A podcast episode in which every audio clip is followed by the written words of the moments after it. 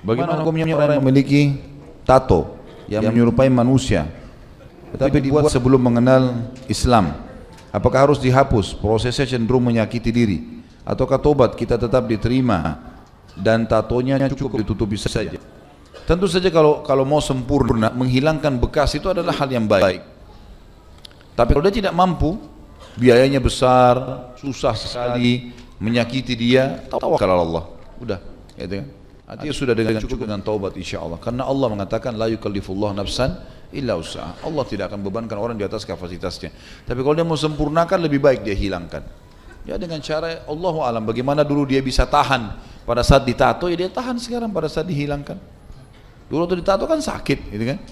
Kenapa sekarang tidak bisa tahan gitu?